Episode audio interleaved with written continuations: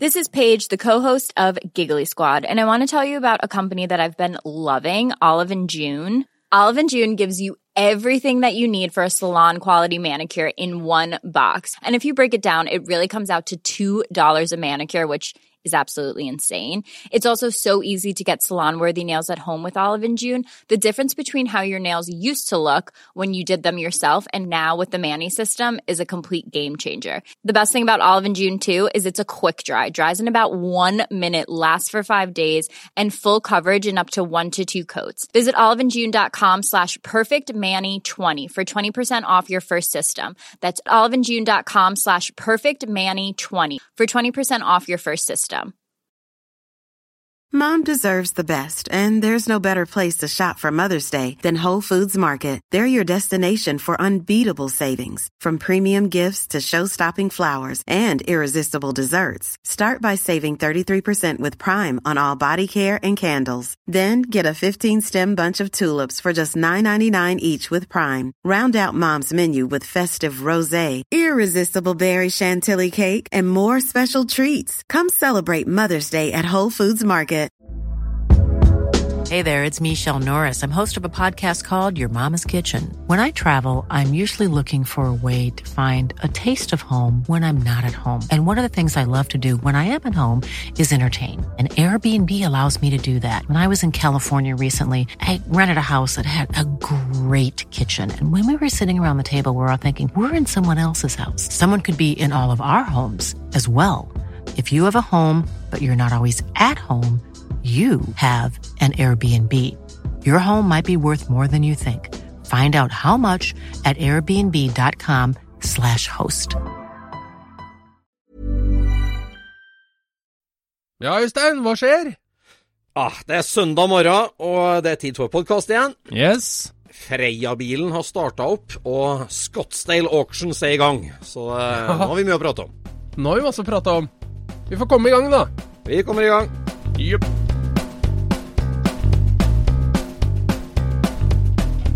Du lytter nå til Scootspodden, en norsk podkast om klassisk bil med Jon Roar og Øystein.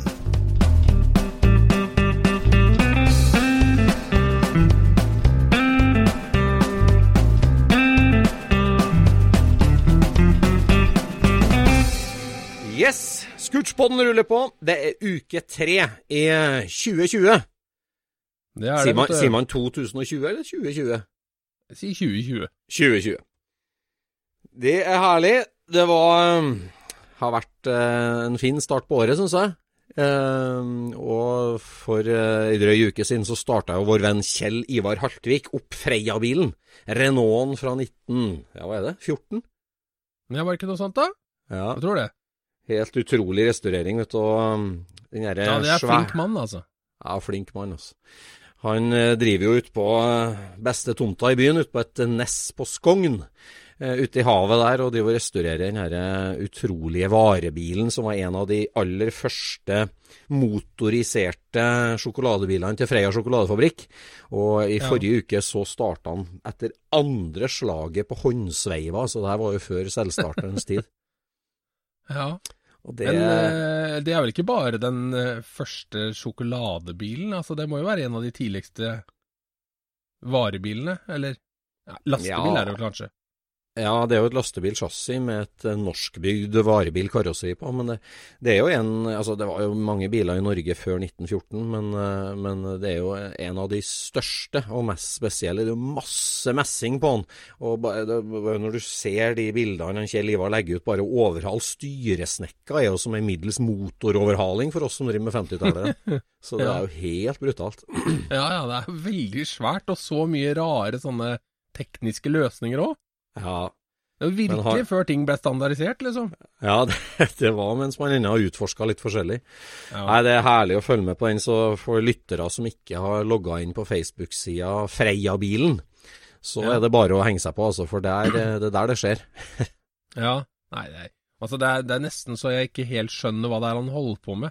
Når han viser fram ting, så er det liksom sånn Ja, hva er det der for noe? Nei, Det der er jo gjengestanga til eh, tenningsforskyveren til bakaksjeren, liksom.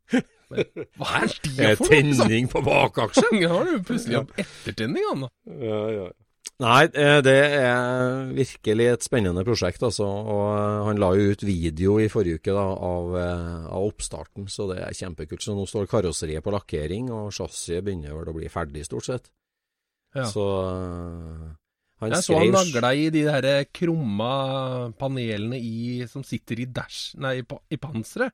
Ja, ja. Det er jo heftig, altså. ja det er heftig. Liksom tenke ut Nei, du, jeg tror vi trenger noe krum her, ja. Den tar vi naglefast. Vi kan ikke Ja, legge er det vel- utapå, det går jo ikke. Det er jo messing. Eh, altså det, de flate platene er, er, er stål, og så er de der litt 3D-forma hjørnene messing. Jo, men de er jo krumma i tillegg. Nei, jeg tror de det er hvert fall polert, masse. De ser, de ser jo steinblanke ut, da. Ja, ja, jo. Nei, det var jo en tidlig måte å lage 3D-form med 2D-plate, på en måte der. der. Så den frontmotorkassen til Renault. et fantastisk prosjekt, altså. Det, så det er artig å følge med på. Det er en av de bilene som har radiatoren bakafor motoren, er det ikke det? Ja, ja, ja, ja. Det er fransk, må vite. Det Ja, er fransk, det er jo kjempe, det er jo kjempelurt, da. Fartssvinn er vi helt uinteressert av. Vi har jo ei vifte, må vite. Ja. Stil foran eh, funksjon. Ja, ja, ja, litt motsatt. Ja, ja. Nei, Nei. så det har vært en bra greie å følge med på, det må jeg si. Og jeg har jo kjent han Haltvik eh, eh, lenge. Altså, det er noe med det med prosjekt som går på nett, eh, der, der du kan følge med. og det, Han kjører jo sånn ukesoppdatering. Det er jo andre som kjører litt mindre frekvent oppdatering. Men det her er jo og det blir en slags sånn kollektiv restaurering. Folk Ja. slenger inn og ser, jeg har funnet et gammelt bilde, og å, jeg har en kamerat som har et gammelt ratt som kanskje passer på. Jeg mener at det der er den beste måten å kjøre et eller annet prosjekt på. Altså. Ja, det er jo det. Det er, Ja, jeg syns det, det gir så mye tilbake. Ja, det gjør det. Så det er så veldig det, Ja. Jeg syns det er en veldig, veldig fin måte å få folk inspirert til å gjøre sånne ting. Ja. Det. Nei, det, det er jo en oppfordring, egentlig, det der at ikke vær eh, ikke vær sjenert. Eh, del Nei, med folk. Altså, del, det, det, del det du gjør. ja.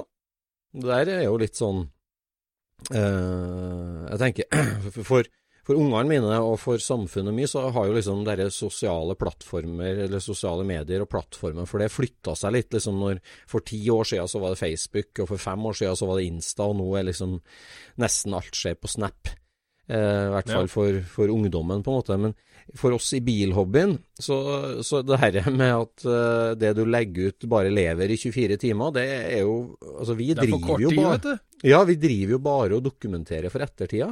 Altså det, å, det å kunne gå inn og, og, flikke gjennom hele den Freia-bilrestaureringa, det har jo en egenverdi som dokumentasjon, altså den digitale dokumentasjon, og det Så oppfordringa der er få det på ei plattform som varer, for å si det sånn. Ja, om det er billobby du driver med. Ja. Men, eh, men eh, det er jo litt sånn, sånn jantelov òg der, da. Altså, vi som er litt eldre, vi har jo litt jantelov i oss. Ja, vi har jo det. Hvorfor skal vi dele hva vi driver med, liksom? Det er jo Ja. alltid noen som er flinkere. Ja, det er jo det. Og gjør jeg det bra nok, og hva om de ser eh, hønsemøkksveisen min, og det, du Plutselig blir liksom- kommer, nå kommer det masse negativt tilbake, liksom. Ja. Nei, det, det kjenner jeg litt på sjøl, når jeg legger ut bilder av det jeg driver med sånn, og plutselig så kommer det en nerd fra Sør-Tyskland. Ja, det er feil merking på bolthodet der, det fantes ikke i 46. Så Ja, Men da blir jo du bare glad. Jeg blir glad for det. jeg kjenner litt på at eh, Altså, fallhøyde Det er jo en fallhøyde der når du deler sånn, men, men det, det er absolutt å oppfordre, syns jeg. At, at Ja, det må vi skal- gjøre, altså. Ja. Det, er, det er jo så gøy å følge med på. Også, det som jeg syns er gøy med han Haltvik, er jo at uh, han har jo riktignok eh, mange og store maskiner, men altså han er, bruker det jo veldig kreativt, da. Altså Han får jo til ting som ikke skal gå an i en, en sånn maskin, liksom. Ja. Kjempeflink fyr. Nei, altså, og det, det der er jo en interessant restaurering, for at liksom, altså hvis en fyr legger ut restaureringa av um, sin 72 mæl Masta vankelmotorbil, det er jo en kjempespennende bil for all del, men da Mm. blir vel, veldig mye av restaureringa der kan jo fort handle om rustsveising, karosseri, lakkering, interiør, liksom alt de store tinga du ser. Ja, ja. ja. Mens Fre Freia-bilen er jo nesten bare om mekanikk. Altså det er jo det er det det er jo et langt kapittel om hva som skjer inni klokka på bakaksling. Liksom, det, Ja. det, er det så mye mekanikk, og det er deilig. Ja, ja, det er veldig det er jeg syns det er vanskelig å henge med på hva all den mekanikken er, altså, for det er mye Ja. mekanikk. Ja, det er det, altså. Det, det er deilig. det, Kjenner meg litt igjen fra svimprosjektet mitt sjøl. Der er det jo liksom Altså, karosseri er jo bare en balje med én stor del, ikke én påskrudd del, eller litt overdrevet. Men en million maskindeler. Liksom. Ja. Så det, og det er jo de maskindelene som gjør den der unik, liksom. Altså, ja. for, for hvis man hadde en bakhjulstrekk svim uten propellaggregat, så var det jo liksom ingenting, egentlig. Nei, da var det bare en annen boble, på en måte. Det, Ja. Nei, det er herlig. Og det, det her kommer jo inn på det vi snakker om ofte med lekegrinder, som er bilhobbyen i Norge, som vi koser oss i, og det svinghjulet som trenger momentum. Det her med å, å dele, altså få det ut på nett og vise hva som skjer. Der, vi var jo innom så vidt den nystarta gruppa med norske ombygde veteranbiler. Ja, som har tatt tatt helt av, liksom. tatt helt av. Det er ikke en Facebook-dag uten 10 ja, 100 poster derfra. Men, men det er jo spennende. Altså, det, det har jo blitt en slags delingskultur der da, på en helt annen måte. Og det, det, ja, det der bidrar jo så Ja, og så til det også, også så langt så er det bare positivt. Ja, bare positivt. Det er det. Altså, altså det, er, det, er ingen, det er ingen surmaga. Nei, alle har samme formål. og det er, det, altså, delingskultur. At det, det er lav terskel for å legge ut, og det å ta med folk på det.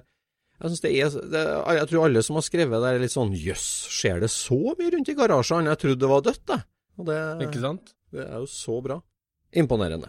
Absolutt. Nei, det er Det har jo Er den en halv måned gammel, eller? Eller er den eldre? Nei, Den eh, var, tråden. Eller gruppa, det det, det måtte være noe som starta i 2020, i hvert fall. Så. Ja, ikke sant? Nei, herved oppfordringa. Del det du driver med, og gjør ja, det på en måte som gjør det tilgjengelig. Absolutt, del det du driver med. Mm. Det er veldig for. Pausemusikk.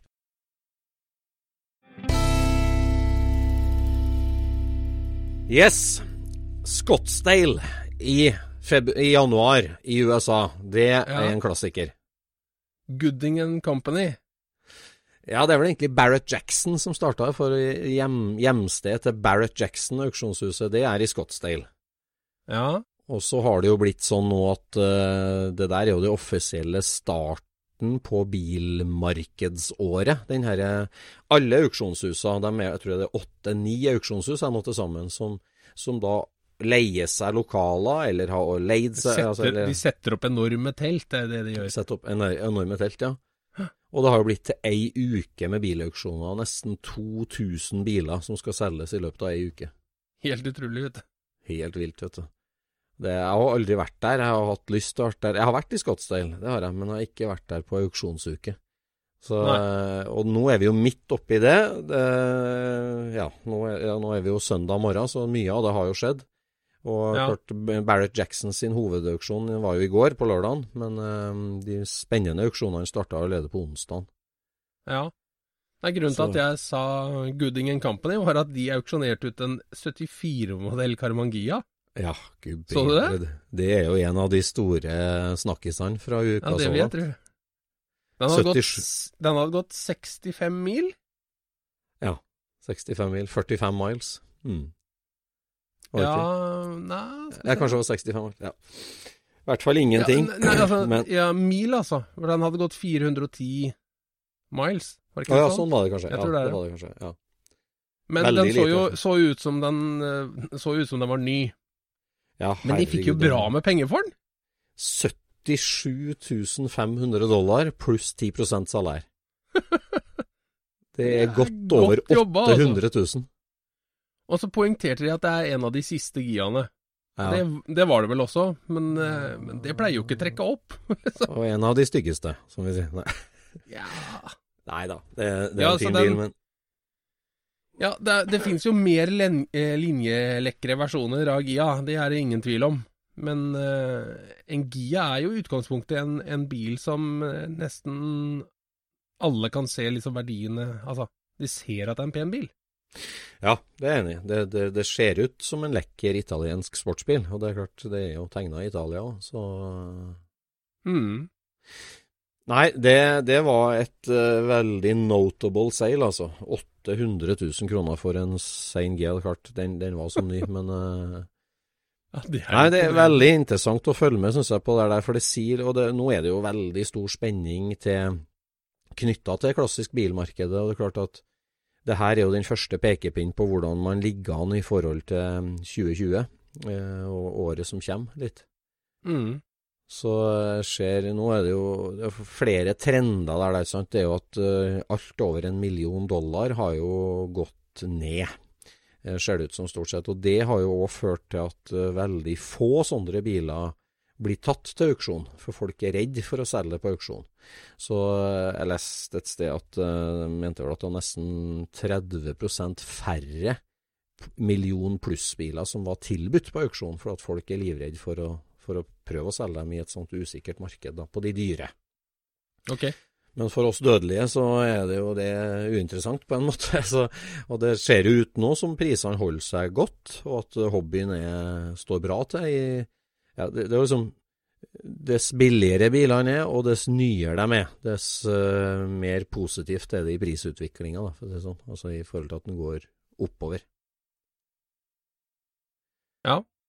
Så um, Men det var jo Så liksom konklusjonen for et drøyt døgn siden var i hvert fall at ok, Porsche-prisene holder seg godt. Der er det ikke noe stup i sikte i hele tatt. De har gått altså nydelig 57 Speedster til 355 000 dollar på Gooding. Som Ja. er jo en sånn eh, Ikke noe tegn til noe svekkelse der, for å si det sånn. Og 90-talls Porschene har jo gått opp, ser det ut for. Sånn at det liksom der, men men så var det jo en bombe nå i natt da, på den ene folkevognbussen på Gooding, auksjon. Ja. Hva slags folkevognbuss Det var den 21-vinderen? Nei. Nei, det var en 58-modell, 23 vindus, helt Jaha. original, superrestaurert buss. Ja. Brun og rød. Kjempefin buss som eh, har vært annonsert lenge nå for eh, 200 000 dollar pluss. Uh, Jeg har vært forsøkt solgt som det da i privatsalg.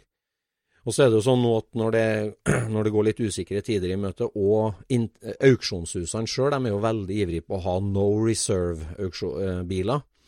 Så nå har det jo gått sånn På, på de siste fem åra har det snudd helt. At før hadde du si 20% av bilene som var uten reserve, uten minimumspris, Ja. og 80 eh, med.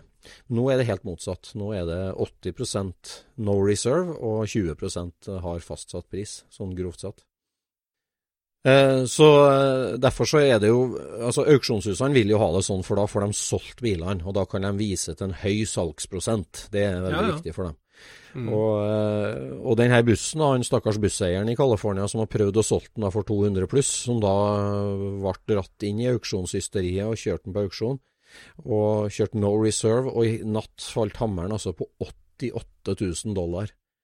Så han har, sikkert, han har sikkert restaurert for uh, 150, for alt jeg vet, og, og satt igjen med 88 000. Det var jo spekulert litt om Har han kjøpt den sjøl, rett og slett? Eh, Det går jo an, det, det koster jo masse avgifter og sånt, men, men det var jo en eh, litt sånn bombe, da, i for folkevognbussmarkedet i hvert fall. Det var en veldig stor justering, da. Veldig stor justering, det var det. Men de som har gått eh, høyere før, har vel vært restaurert eh, av, av eh, kjente navn, har det ikke vært sånn, eller? Ja, og så er det ofte litt senk og fuksfelg og en sånn bling-bling-farge. Altså når du ruller Ja. opp auksjonspodiet der, så skal det liksom wow! Liksom det, og de der med stor lommebok som ja ja, a bus wouldn't be nice in the corner of my collection. Ja, ja liksom De vil jo ikke ha en original, antageligvis, kanskje. Nei, og den her var litt sånn uh, ugly duckling, sånn da, med svarte dekk og ikke hvitside, og liksom helt anonym, men helt nydelig etter min smak. Men uh, Ja, nei, men eh, det var jo en turkis og hvit 21-vinduer som gikk litt tidligere òg. ja, den gikk jo Eh, høyt. Ja, gikk ikke den høyt? Jo, jeg det, jeg husker ikke helt hva den gikk for, men det, den gikk høyt. Ja. ja. Det gjorde den. Så- Nei, det er um, Det er interessante ting uh, som foregår der, og så prøve også å liksom forstå hva drar inn mye penger. Altså for at Uh, Man skal Ja. ikke egentlig bedømme bilverdi på den måten der. Altså det blir så Ikke sant. Hvis, hvis um, Utafor en sånn setting som det der, så kan det jo godt være at den originalrestaurerte på en måte er mer verdt ja. enn den, eh, den bling-bling-versjonen. ja, ja.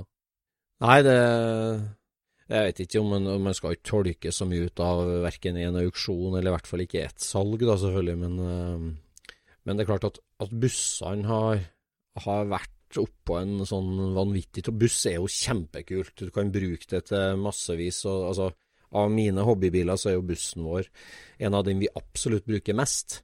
Så det, mm. det, det, er jo en grunn til at det er en, en, verdifull bil, men det er klart når du begynner å snakke to millioner for en 34 hesters folkevognbuss, så det, en korrigering der måtte jo komme, for å si det sånn. Ja, det er sant, det. det så jeg vet ikke om du ser på deg sjøl som million. 88 000 dollar? Ja. Det er ikke veldig dårlig. Hva mener du? At det er mye penger? Ja, ja ja, men altså Ja da, men eh, en 8 Det er klart at eh, når du Ja, men hva, hva Altså, vi, vi, som har holdt på med folkehånd lenge, har jo lenge hatt den der at eh, ja, vi putter inn to og en halv gang så mye som det går an å få for den. Ja. Ja, ja. Når vi restaurerer. Altså, det ja, er ikke unaturlig. Nei, nei da. Og det skal vel gå an å reservere en buss for 880 000 kroner?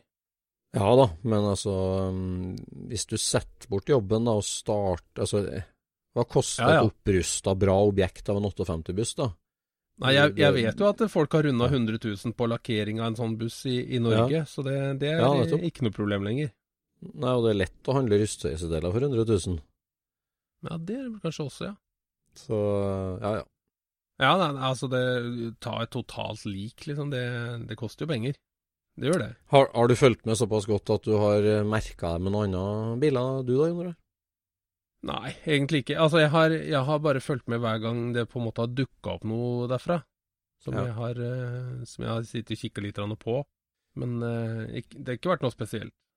En bil som jeg hefta meg med veldig tidlig, og som jeg har lest en del om og fulgt med på, det er jo den Mercedes 540K-en med Hebmüller-ombygd karosseri. Jeg vet ikke om du fikk med den?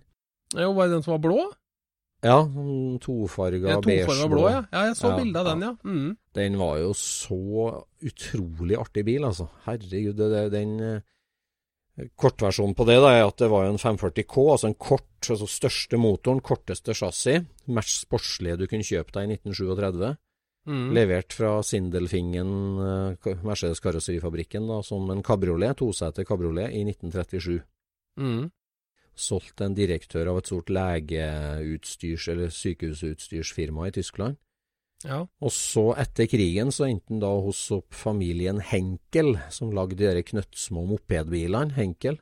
Ja. Eh, og han eieren der tok med seg da den Og det er nesten litt rart altså, å tenke på det. Altså, I etterkrigens Tyskland, 1950 i Tyskland Ok, du hadde du hadde eh, adelen og dem som hadde mye penger, kan du si, og Henkel-familien var sikkert en sånn familie, men da å tok altså fatt på den derre gedigne rekkeåtter kompressormata, tunge Mercedesen, kan du si, som, som var jo en 30-tallsbil av 1950, og kjøre den da inn på Hebmüller-karosserifabrikken, ja. og bestille den ombygd til en kupé. Og den ombygginga var ferdig i 51. Da er altså Hebmüller i Wuppertal. Da. Eh, det var akkurat i den tida de bygde folkevognene på oppdrag ja. fra Volkswagen. Og gjorde det her som en one-off-jobb da, og kasta kallersestativet og snekra en, en, jeg vil si, nydelig eh, kupétak på den Ja, den var veldig fin. Veldig, fin. veldig fin. Med delt frontrute som var litt spiss og lekkert integrert, altså. Men aksjeavstanden er den samme? Ja ja, bilen er, karosseriet var uendra utover det. det. det. var bare taket de satt på, dørramma og litt sånn, da. Ja. Så du kan jo si at det, altså, Poenget mitt var det at det er jo litt, nesten litt rart å koste på så mye på, på en tung førkrigsbil, da, når du snakker begynner å komme opp på 50-tallet.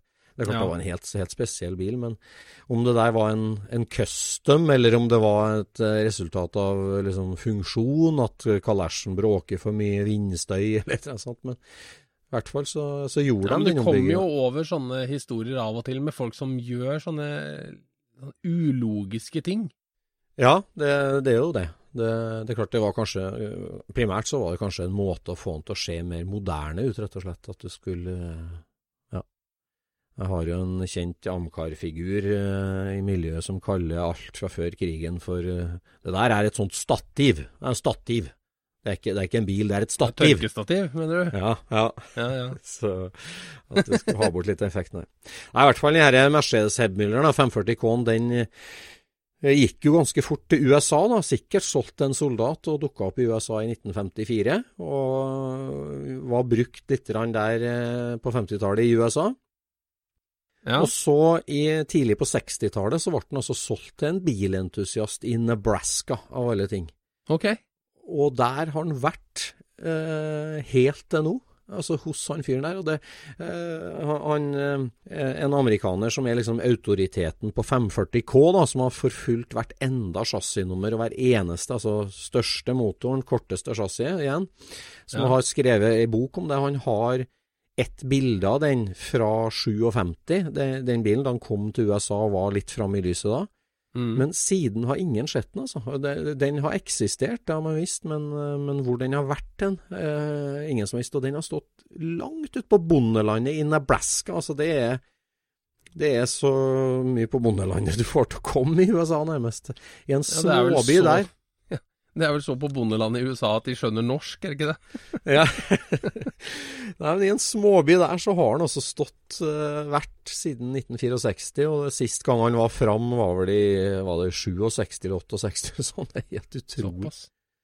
Ja, det er Så, spesielt. og den, eh, den bilen eh, Altså, har jeg hatt penger, så skulle jeg vært med på den, altså. For det, den, var, den var estimert til, til 1 til 1,5 million dollar. Eh, og ble jo eh, klubba på 900 000, så det var jo litt sånn skuffende kanskje for den slekta som var Han døde jo, han karen da, så det var derfor han kom på auksjon. Ja. Men, eh, men ja, det, det, sånn gikk det i hvert fall. Så det Én million, altså det er jo som en 300 SL, da, omtrent, eller under en 300 SL. Ja. Og der, i hvert fall for oss uh, tyskinteresserte, så uh, altså det Mercedes-chassis der med et Hebmüller-karossi, for meg så var det der en utrolig kul kombinasjon. Beste av to verdener, liksom. Ja, det var omtrent det. Ja. Ja. Så Nei, det eh, var spennende. Det var Scottsdale Auction Week. ja. Scottsdale Auctions Week. Ja, nei, altså amerikanere er gode på lekebil. Ja, de er de er det, altså. Det har vi vært innom på poden her. At du kan si hva du vil om amerikansk bil på mange måter, men amerikansk bil-hobby, det, Ja, det, det er jo det det de er helt rå på. de er helt rå på. Og det er, Yes. jo, det er jo litt kobla til, til eh, det som vi hadde tenkt vi skulle prate om i dag òg. Ja. For japanerne var jo gode på lekebil, eller fjernstyrt. Ja. Men de lagde jo fjernstyrte versjoner av amerikanske lekebiler. Det er sant. Så nå får vi ta oss en liten prat om eh, fjernstyrt bil og Tamia. Det gjør vi.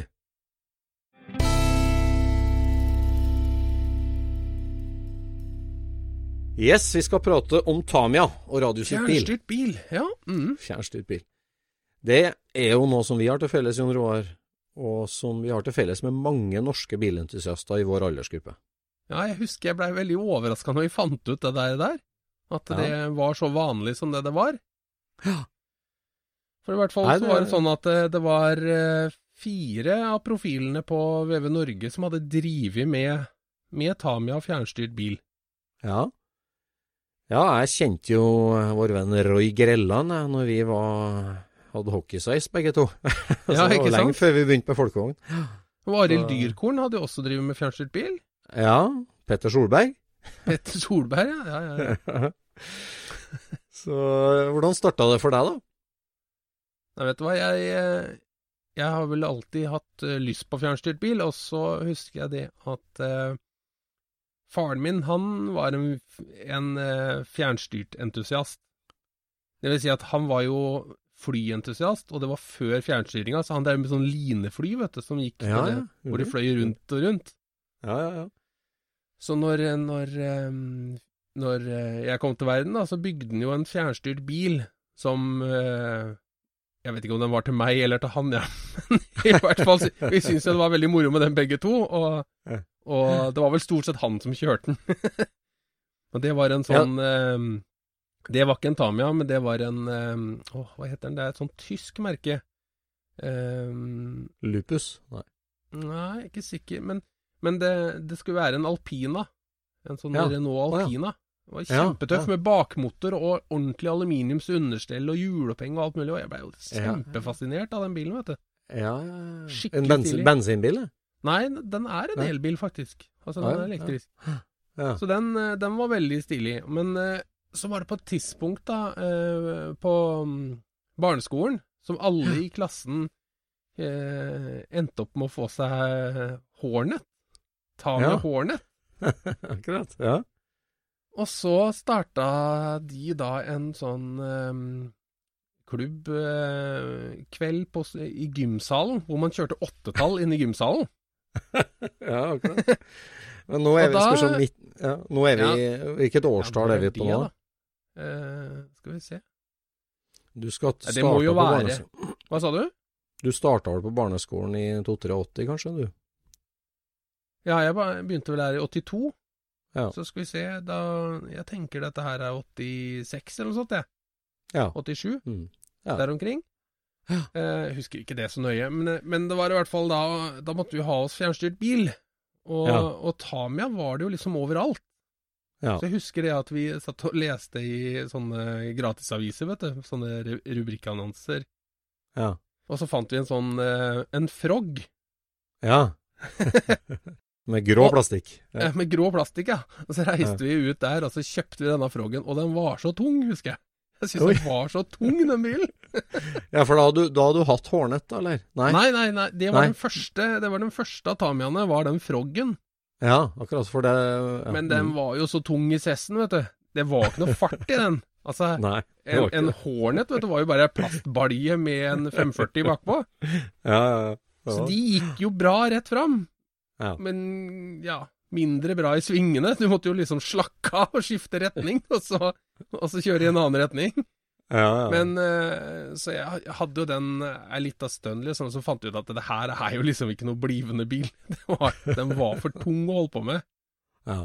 Så, så da kjøpte jeg en sånn eh, Hotshot 2, ja. en firehjulstrekker. Det Ja. var jo liksom den oppgraderte hotshoten. Så Ja. Det som var svart på pakka. Eh, ikke det? Hotshot 2? ja, Mørk blå, tror jeg den var. Marineblå. Ja. ja. Så jeg husker vi bygde den bilen, og det var jo, det var jo high-tech så det holdt, med liksom framdiff og det. Altså, det var jo Det var jo som å bygge Ja, en liten ordentlig bil. Ja, ja. Utrolig tøft å sitte og skru Mm, sammen støtdemper og fylle de med olje og, og alle disse Ja. tinga. Nei, Ja, det var moro. Det, det der var så god tid, altså. Eh, barneskolen og ungdomsskolen, når jeg drev masse med radiostyrt bil, og, og bygge og kjøre løp og pusse og skru, det var fenomenal tid, altså. Det, det husker jeg godt, altså. Det er gode minner for meg. Ja, nei, det var veldig moro. Og den eh, med firehjulstrekk, vet du, så var det jo, var jo den helt ustoppelig i gymsalen. Jeg holdt jo full gass rundt svinga, vet du. ja, ja. ja, var du første og eneste med firehjulstrekker, da, eller? Eh, Gruppa. jeg, var nok, jeg var nok det, ja. Ja. Så, og det var jo Den kom jo med 540. Ja. Da gikk, da gikk den jo Da kunne jeg liksom bare holde full gass hele tida. Den Ja. dro seg jo gjennom svinga, ikke sant. Ja, ja. Og så begynte vi jo da å eksperimentere med, med å kjøpe sliks. ja. Da, da, begynte, da var vi jo nede på, på uh, Altså, for I Sandefjord så var det to steder du kunne kjøpe fjernstyrt bil. Og Det var Ja. en lekebutikk. Og i den lekebutikken så hadde de Tamia, og null greie på det. Ja, det er ordentlig null greie på det, så du fikk med deg katalogen, så må du finne ut av ting sjøl. Liksom. Men å selge en, å selge en kjempedyr Technigold-motor, det klarte de. Det klarte de. Så vi kjøpte kjøpt en Technigold, vet du. Ja, ja. Men eh, så var det en annen butikk som drev litt mer seriøst med bane, banebiler, altså fjernstyrt eh, banebil. Og der fikk du kjøpt sånn skumgummi, vet du, som du trøkker utapå felga, Ja, som blir til Mm. dekk, ikke sant. Ja, ja. Mm. Så begynte de å forske på det, da, vet du, på, på hårnettene. så satte de på sånn skumgummi, da, for å få det til å funke bedre, liksom. Problemet var at det. Det hjalp jo ikke noe særlig på svinginga. Nei. Så når jeg, gym- så når jeg, altså jeg, jeg har jo alltid vært en for å modifisere ting, ikke sant, så den blei jo oppgradert til dobbeltdemper foran, og så blei det da fire slicks som var litt sånn ekstra breie på den, Ja. og 540, og den Technigold-motoren, da, da ble, Ja. da ble hele klubben lagt ned, for da var det ikke noe moro lenger. Sabotasje, altså. Det var liksom ustoppelig, liksom. Da måtte jeg til og med begynne å slakke i svinga, vet du, med den teknikoden Ja, ja. Nei, det, var, det var en morsom tid, det der, altså. Det var veldig gøy å holde på med. med. Veldig gøy å holde på med. Og har du prøvd å kjøre en av de nye bilene med sånn Lipo-batteri, eller? Ja, jeg prøvde det. Det er Ja, det, helt det har jo tatt helt av. Det er jo ikke kjørebart lenger nå. Nei, det går så fort det at uh, du må være ung og kjapp i blikket. Ja, og sånn. hvis du treffer et menneske, så tar du av beinet, liksom. Ja, ja, det er brutalt. Det, er Helt vilt, altså. det er det. Men uh, Det- den gangen så var det lading. Å sitte og vente på disse laderne. ja, ja. Ladekabel, motstandskabel og gamle 12-volts-batteri man dro med seg for å lade fra og greier. Nei, det Men, men du, eh, du tok det vel litt mer uh, seriøst enn meg? Altså, du begynte vel å konkurrere, gjorde du ikke det? Jo da, det, det ble jo fort uh, litt alvor for meg, og det der ble jo en stor del av ungdomstida mi, må jeg si. Der eh, andre spilte fotball, så kjørte jeg radiostyrt bil, så jeg husker godt jeg fikk min første Den fikk jeg til jul i 1980. og Det var Tamias Rough. Og Rough Rideren var jo ganske ny da, og det var jo et fantastisk byggesett, ikke sant, som var jo en aluminiumskopi av ei boble, egentlig, med eh, Eller i hvert fall en av de buggyene, da, en Funko, Funko serie 1-buggy, som var modell for den. Ja. Og du har jo sett den forstillinga er jo akkurat som ei boble, ikke sant, med, med bærekula, riktignok, da, så den er litt moderne for min smak. Ja, ikke sant. Men er, har denne her komponenter til felles med, med Sandscorcheren, eller? Ja, altså det var jo den eh, RGB-buggen, som den heter, den, eh, den hadde jo tre karosseri, Bronco-karosseri og, og, og, og boble... Uh, Sandscorcher boblekarosseri og Rough Rider-karosseri. Det er jo akkurat samme chassis på de tre. Nei, det er det, ja. Mm. AB, ABS-plast. Og så kom jo liksom den, eh, den Superchamp-buggen etter hvert, som var liksom eh, litt sånn tuning-versjonen av de to der, da. Mm. Eller de der. Så, men Sandscorcheren med boblekarosseri, det var jo den andre. Men eh, vi kjøpte på postordre, eller min far, da. Eh, kjøpt, min far og naboens far, dem bestilte fra Tower Hobbies i Chicago på postordre to sånne Rough Rider-byggesett. Som jeg og min beste venn Tore, rett over gata, vi fikk den til jul i 1980. Og det var stort, altså. Da hadde vi bladd i katalogen lenge, da, for faren, det med fly, han nabofaren, det med fly, så vi hadde sett i Tower Hobbies-katalogen at det fantes biler, og vi var det var ekstase når vi fikk der. Han lakkerte sin rød og hvit, og jeg lakkerte den blå og hvit. Og så var det ut i gata og herje som villmenn, helt til vi small rett i fortauskanten og knakk de aluminiumsbærarmene fram. og det gjorde vi en gang i uka omtrent. Og så starta et stort engineering-prosjekt med å gjøre de armene sterkere, for det var et utrolig svakt punkt på de bilene her. Ok. Og eh, vi eh, limte på aluminiumsrør på hver side av armene for å forsterke dem, og vi bora dem ut for å få en større aksling, på en måte. Altså kan si det som bobleforstillinga, da, at der du har torsjonsfjæra foran, så var det bare på en måte en aksling der, som, eh, Ja. og den var også myk og tynn, vet du, og det der drev vi med. og det. Det, det er akkurat den re-engineeringa, få det der til å holde til villmannskjøring mot betongkanta betongkanter i gata i Trondheim, det ble eh, starten på ingeniørkarrieren for meg, nesten. Også, si. Ja, men det er, bare, det er så mye lærdom i å se hvor ting bøyer seg. Ja, det er jo altså, altså, Ja, At ting bøyer seg og ikke bare knekker, liksom. Det er så, det er så fint. For da, Ja, da går det rolig for seg, og du, du har tid til å finne ut av ting, liksom. Ja. Nei, det var, det var veldig artig. Så vi, vi sleit jo ut de Rough Riderne vet du, og bygde dem om og i bau, alle bauger og kanter. Da- kom jo CRP, da, Custom Race Parts, som var en sånn amerikansk uh, underground-produsent av tuningdeler til Rough Ja. CRP-deler har jo blitt helt sånn kultdeler nå i dag. Er det, si sånne, er det sånne gule papirlapper på de posene? Det stemmer. Ja, Gule papirlapper med svart da har jeg sånne ting. Ja. Nei, de bygde jo i prinsippet en helt ny bil nesten til Rough Rideren. da, vet du, og Jeg husker vi var nede på Hobbyshop, da, en fantastisk hyggelig hobbybutikk i Trondheim som, som importerte CRP. Mm. Og solgte det, og vi var nede og sikla på aluminiumsveltebøyler og epoxy chassisplate med saddlepack batteripakke. Og så var det det store holy grailen, da, vet du, det var jo det der å få kjøpt kulediff til Rough Rideren. For Rough Rideren hadde ikke diff bak, vet du. Nei. Sandsquasheren, det var solid bakaksel på dem. Eh, Ja og, og CRP kom jo med en kulediff, og den kosta 2100 kroner. Det var dobbelt, det var tre ganger prisen av en Grasshopper, det, i Ja, 1985. Det var Ja. helt sjukt hva den kulediffen kosta. Og vi, jeg og Tore, vi tenkte vi skulle spleise på en og, og kjøpe oss kulediff, da, for, at vi, for vi hadde så lyst på den diffen, for vi skjønte poenget med differensial da, etter hvert. Ja. Og, og han sparte og sparte og sparte og fikk halvparten til jul, og betalte halvparten sjøl ei jul. husker Jeg Jeg var dritsjalu på kulediffen. Så Nei, så ble det hotshot da når den kom. Og en av de første i Trondheim der. Og så ble det, ble det jo Tamia Cup, da. Fische som importerte eh, fra Drammen. De var jo kjempeflinke på den tida der. Åssen funka det der? Hvordan kom du med i Tamia Cup, liksom? Nei, altså importøren i Drammen, eh, for å få opp salget av Tamia-biler, så gjorde de jo veldig smart. De leide jo inn eh, en kar og et ektepar i en bobil som kjørte rundt i hele Norge og arrangerte Tamia Cup lokalt eh, i forbindelse med den lokale hobbybutikken. da.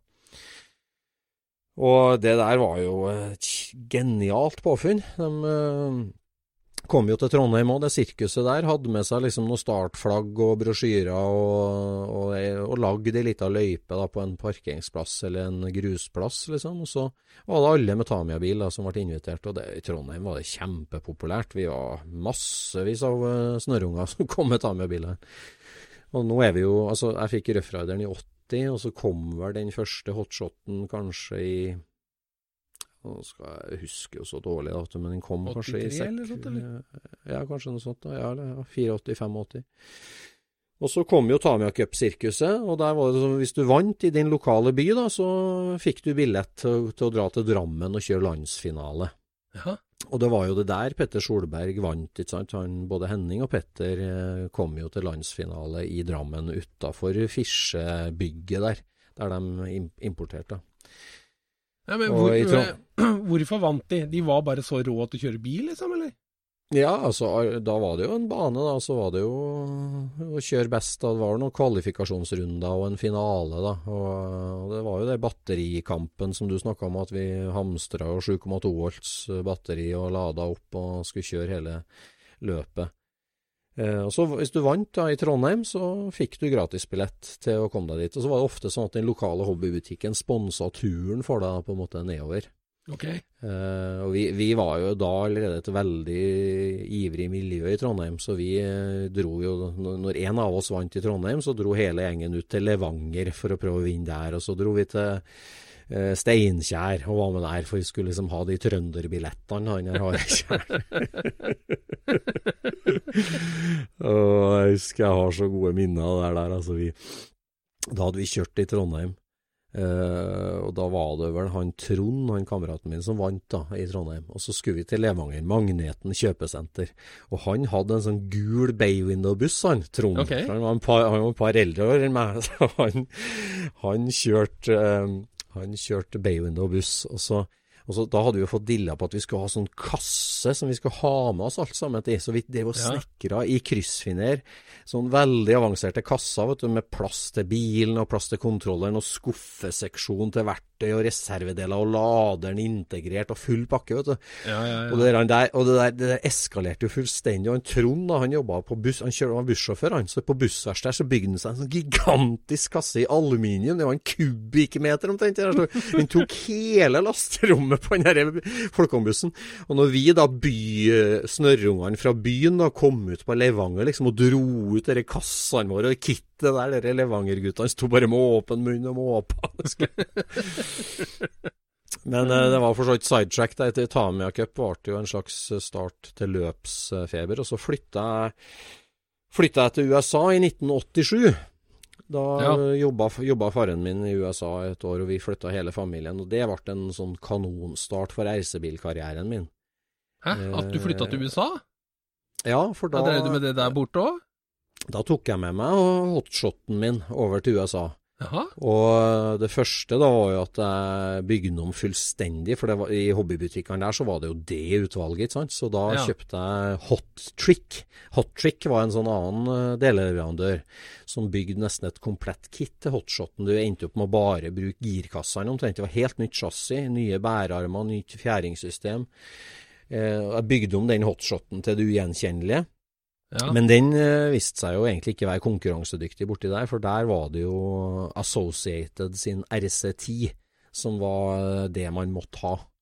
ok. Og Associated Og, Associated og var jo det, den gikk bedre, liksom? Eller altså, det var Ja, ja, det var en konkurransebil, ikke sant. Tamia var jo i grensesnitt Altså, ja, du kunne kjøpe Tamia i en lekebutikk. Det, det var, du bygde den sjøl, og det var jo utrolig gjennomførte biler. Men, men i USA, der igjen, da, på Bilhobby, så var jo Der var det jo et veldig opplegg for konkurransekjøring. Det var masse baner rundt omkring, ikke sant. Og, og klubber og kjørestand og masse konkurranser gjennom uka. mm. Så der fikk jo jeg skikkelig blod på tann, altså. Og der var det tohjulstrekk elektrisk som gjaldt, og det var Associated, fabrikken, da, som lagde den bilen som heter RC10, som er jo en sånn ikon i RC-bilmiljøet. Ja. Den er jo litt lignende av Rough Rideren, men den var jo en, en løpsbil som var bygd for å kjøre på bane og for å kjøre løp med. Og, og så Jeg var jo veldig ivrig på det og sparte penger på det. Og så Jeg hadde jo veldig foreldre som støtta meg, så, så, så skulle vi da Vi bodde jo i Chicago, eller nord for Chicago. Og så skulle vi på ferie til California, og så sier faren min at da drar vi jo innom Associated, da ja. eh, fabrikken. Og det var jo i Orange County, midt i folkevognland. vet du. Da dro vi dit, vi, og banka på døra. Og Gene Husting, som nå er jo royalty i folkevogn... Nei, RC-bilhistorien, Ja. åpna døra for oss, sjefen for Associated. Og lille snørrungen fra Trondheim, og da var jo jeg 14 år og fikk full omvisning på en RC-bilfabrikk. Og kjøpt min første RC-tid der på fabrikkutsalget til Associated. Så det var, det var helt magisk. Vet du. Og da begynte jeg å konkurrere med RC10. Og kjørte eh, det i USA, og kom hjem til Norge, og da var jo ingen som Eller det var få som kjørte RC10. Eh, Norrace Hobby i Oslo hadde begynt å importere dem når jeg kom tilbake. da. Ok. Så det kom jo mye RC10-er etter hvert i Norge her. Og så Men da kunne du ikke stille opp i Tamia Cup? Nei, nei, nei da, da, da var jo det altfor barnslig for oss. Det var jo bare tull, liksom da. Ja, ja, ja. Så, så da var det de store banene eh, Det ble jo da fine baner på Råholt, var det fin bane. Vervenbukta var fin bane. Vi var til Skien og kjørt. Og reist mye rundt i Norge, da, og kjørt eh. Men jeg var jo Jeg var aldri best til å kjøre. Jeg var plassert godt i Norgesmesterskapet, eh, og jeg kvalifiserte meg til EM. Vi var til Lyon i Frankrike og kjørte EM i ja, selvfølgelig. 19, ja, sikkert 91 kanskje, eller noe sånt da. Ja. Jeg må tenke på noe sånt. Men altså, Eh, når det var tohjulstrekkbiler, det må jo banen ha sett litt annerledes ut, da, eller? Altså, eller kjørte alle full gass, og så sto stille i svingen, eller hva, åssen funka det der? Nei, det var jo helt konge det, da, å lære seg å kjøre tohjulstrekker, kan du si. Og det var jo to måter å kjøre det på. Enten så var det speedway-metoden, å Ja. kontrollere sledden. Ja. Eller så var det å, å slakke av godt og bare lunke i innersving og så bånn gass ut igjen. ja. Og det der var en to sånn kjørestiler som hele tida konkurrerte, det må jeg si. Hvilken Så, eh, men- lå du på der, da? Nei, jeg var bånn gass, eh, satse på å holde sledden-typen. det var ikke tvil om. og jeg var aldri best til å kjøre, altså. Men jeg hadde bra utstyr, for jeg var utrolig mekkeinteressert. Så jeg hadde full kontroll på oppdateringene som fantes for RC10, og til slutt så så ikke RC10 ut som en RC10 lenger heller, for jeg hadde jo fullt, fullt kit. ANL slepearmskit, eh, som jeg importerte sjøl fra USA. Bygd om fra, fra vanlige bærebruer til slepearmer, kan du si. Og den gikk utrolig godt, den bilen, eh, uten å skryte, men, men kjøreren sto ikke helt i stil, altså. Men jeg, jeg lærte å kjøre bil med, med å kjøre RC-bil, det gjorde jeg. altså. ja, ja. ja. Så jeg lærte, lært å, eh, å konstruere bil, jeg lærte å skru bil, og jeg lærte å kjøre bil med RC-bilkjøring. Det gjorde jeg. Ja, ikke sant? Nei, det der er eh, heftig. Jeg husker at det, altså det, det var ikke så voldsomt mange oppgraderinger jeg gjorde på denne her eh, hotshoten egentlig, da, men, Men jeg bygde jo om til støtdemperne foran, og så, og så monterte jeg kulelager overalt. Bytta ut Ja, ja. alt som var av plast. For den var Den kosta 38 kroner stykket, da. Det er mulig de gjorde det.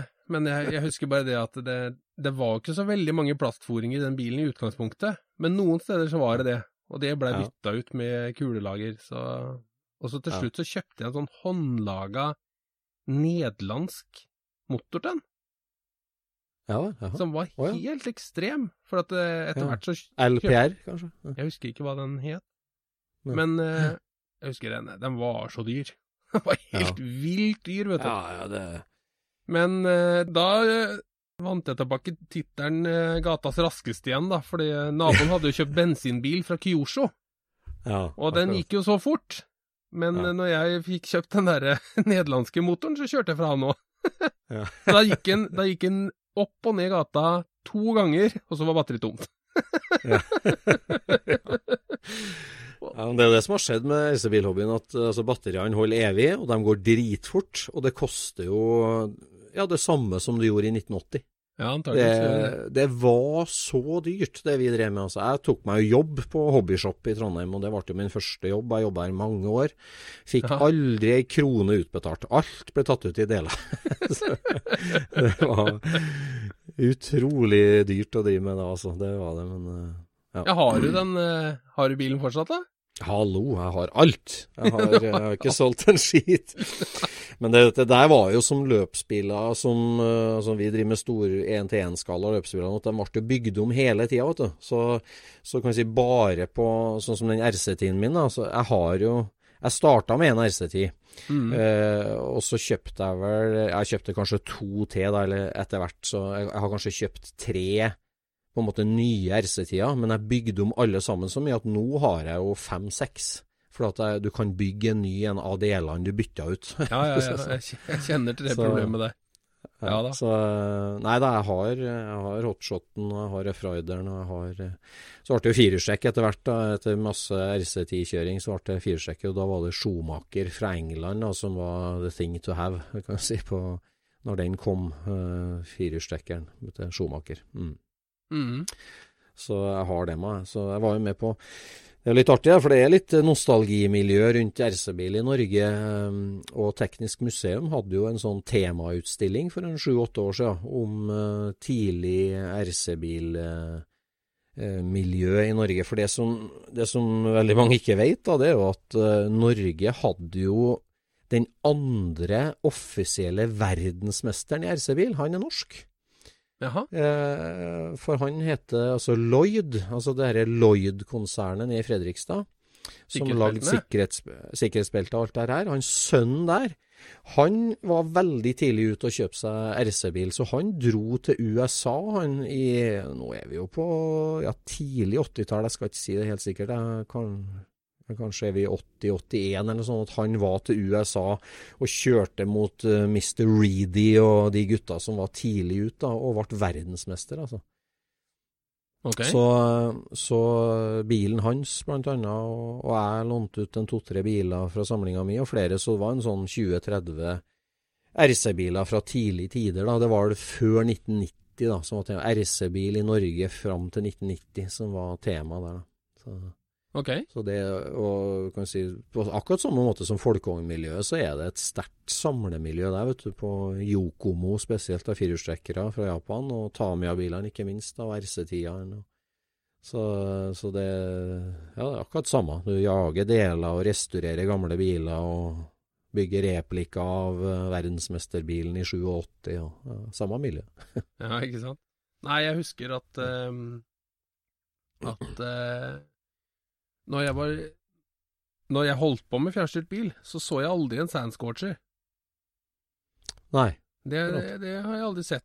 Men jeg husker det var en som hadde den eh, Bronco. Det husker jeg at det var Ja. en som hadde. Ja, altså. Men etter at, eh, etter at jeg på en måte begynte å eh, se Sandscorcher i folkevognmiljø, så fant jeg ut at jeg må jo ha meg en Sandscorcher. Ja. Mhm. Så det har jeg prøvd å, å, å samle, da. Så viste det seg at en jeg jobba sammen med, han hadde jo kjøpt hele restlageret til en, til en eh, fjernstyrt bilfabrikk, nei, butikk i Lillestrøm. Oh, ja. Så han aha. hadde fryktelig med Tamia-ting, da, vet du. ja, ja. Så fikk jeg han til å plukke sammen en Sandscorcher av bare deler. Oi. Så det mangler vel det mangler en sju-åtte deler på at den er helt komplett, da. Eh, Men da helt ny, altså, på en måte? Alt er vel ikke helt nytt. Altså, han har Nei. liksom blanda litt med det han uh, hadde også. Ja. Uh, men, uh, men den er i veldig god stand, da. Men hadde ikke noe karosseri. Altså, det var bare frønsete karosserier. Ja. Så, så jeg kjøpte um, Du vet, de karosseriene kom jo seinere ut til andre andre understell. De brukte jo Folkvognkarosseriet til andre ting etterpå. Ja, kom jo den Monster Beetle, kom jo. Ja, ja. Men den Så- har jo så- annen profil på skjermene, vet du. Den er jo ikke lik. Nei. Så, Nei, men nå har jo kommet re-release, da. Sandscorcheren kan du jo kjøpe nå. Ja, men det er fortsatt ikke riktig karosseri på den. Nei, det er riktig. Akkurat. Så, så jeg har funnet to sånne originale karosserier da, etterpå. Ja. Som ordentlige Ja. Sandscorcher-karosserier. Så, så den bilen er nesten komplett, og den har jeg jo da disse her um, ettermarkedsfelgene, vet du, sånn som ser ut som uh, Du? Centerline, vet du. Det er de, de jeg har fra de eh, Hva kalte du de? L... Det Eh, der- CRP. CRP, ja. CRP. Mm. Det er sånne Ja, felger jeg har. ja. Nei, det er moro. Nei, det er herlig. Det der var starten for både ingeniørkarrieren og, og bilentusiasmen for meg, tror jeg. Den, eh, den fasen der, altså. Fantastisk tid. Ja. Ja, var det sånn at eh, Think stort sett var basert på på Rough Rideren, var det sånn? Nei, men jeg, jeg har brukt å si det at når jeg, altså jeg, jeg utdanna meg som maskiningeniør da, og starta jo på Think for å konstruere bil.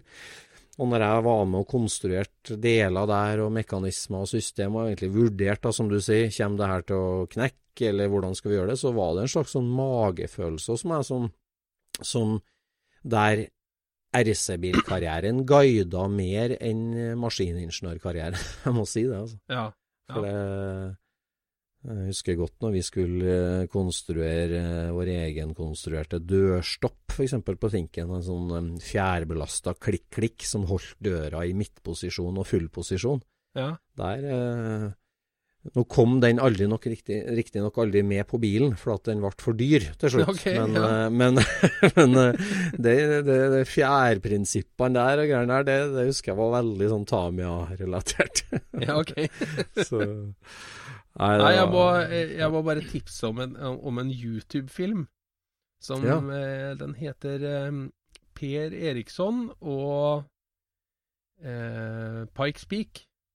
Ja. ja, ja hvor, han, hvor han skal eh, kjøre opp Pikes Peak i en, eh, en Saab 93.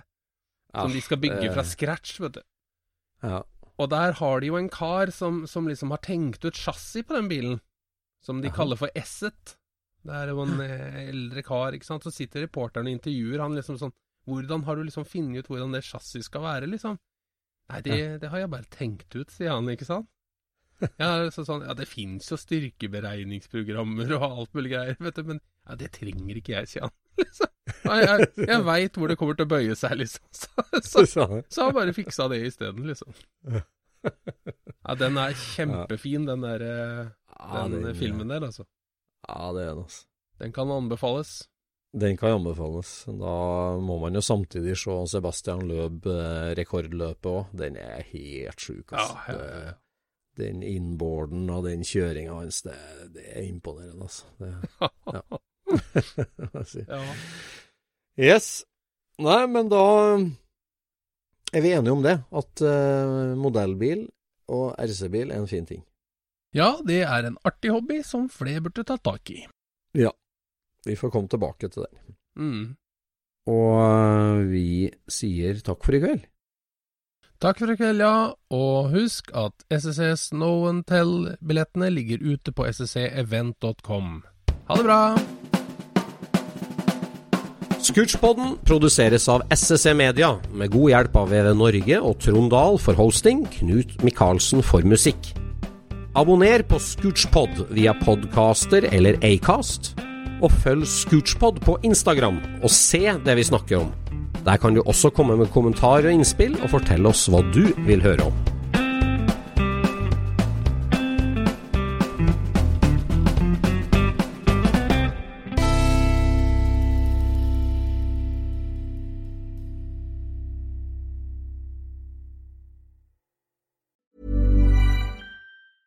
Even when we're on a budget, we still deserve nice things. Quince is a place to scoop up stunning high-end goods for 50 to 80% less than similar brands. They have buttery soft cashmere sweaters starting at $50, luxurious Italian leather bags, and so much more. Plus, Quince only works with factories that use safe, ethical, and responsible manufacturing. Get the high-end goods you'll love without the high price tag with Quince. Go to quince.com slash style for free shipping and 365-day returns. Mom deserves the best, and there's no better place to shop for Mother's Day than Whole Foods Market. They're your destination for unbeatable savings, from premium gifts to show-stopping flowers and irresistible desserts. Start by saving 33% with Prime on all body care and candles. Then get a 15-stem bunch of tulips for just $9.99 each with Prime. Round out Mom's menu with festive rosé, irresistible berry chantilly cake, and more special treats. Come celebrate Mother's Day at Whole Foods Market.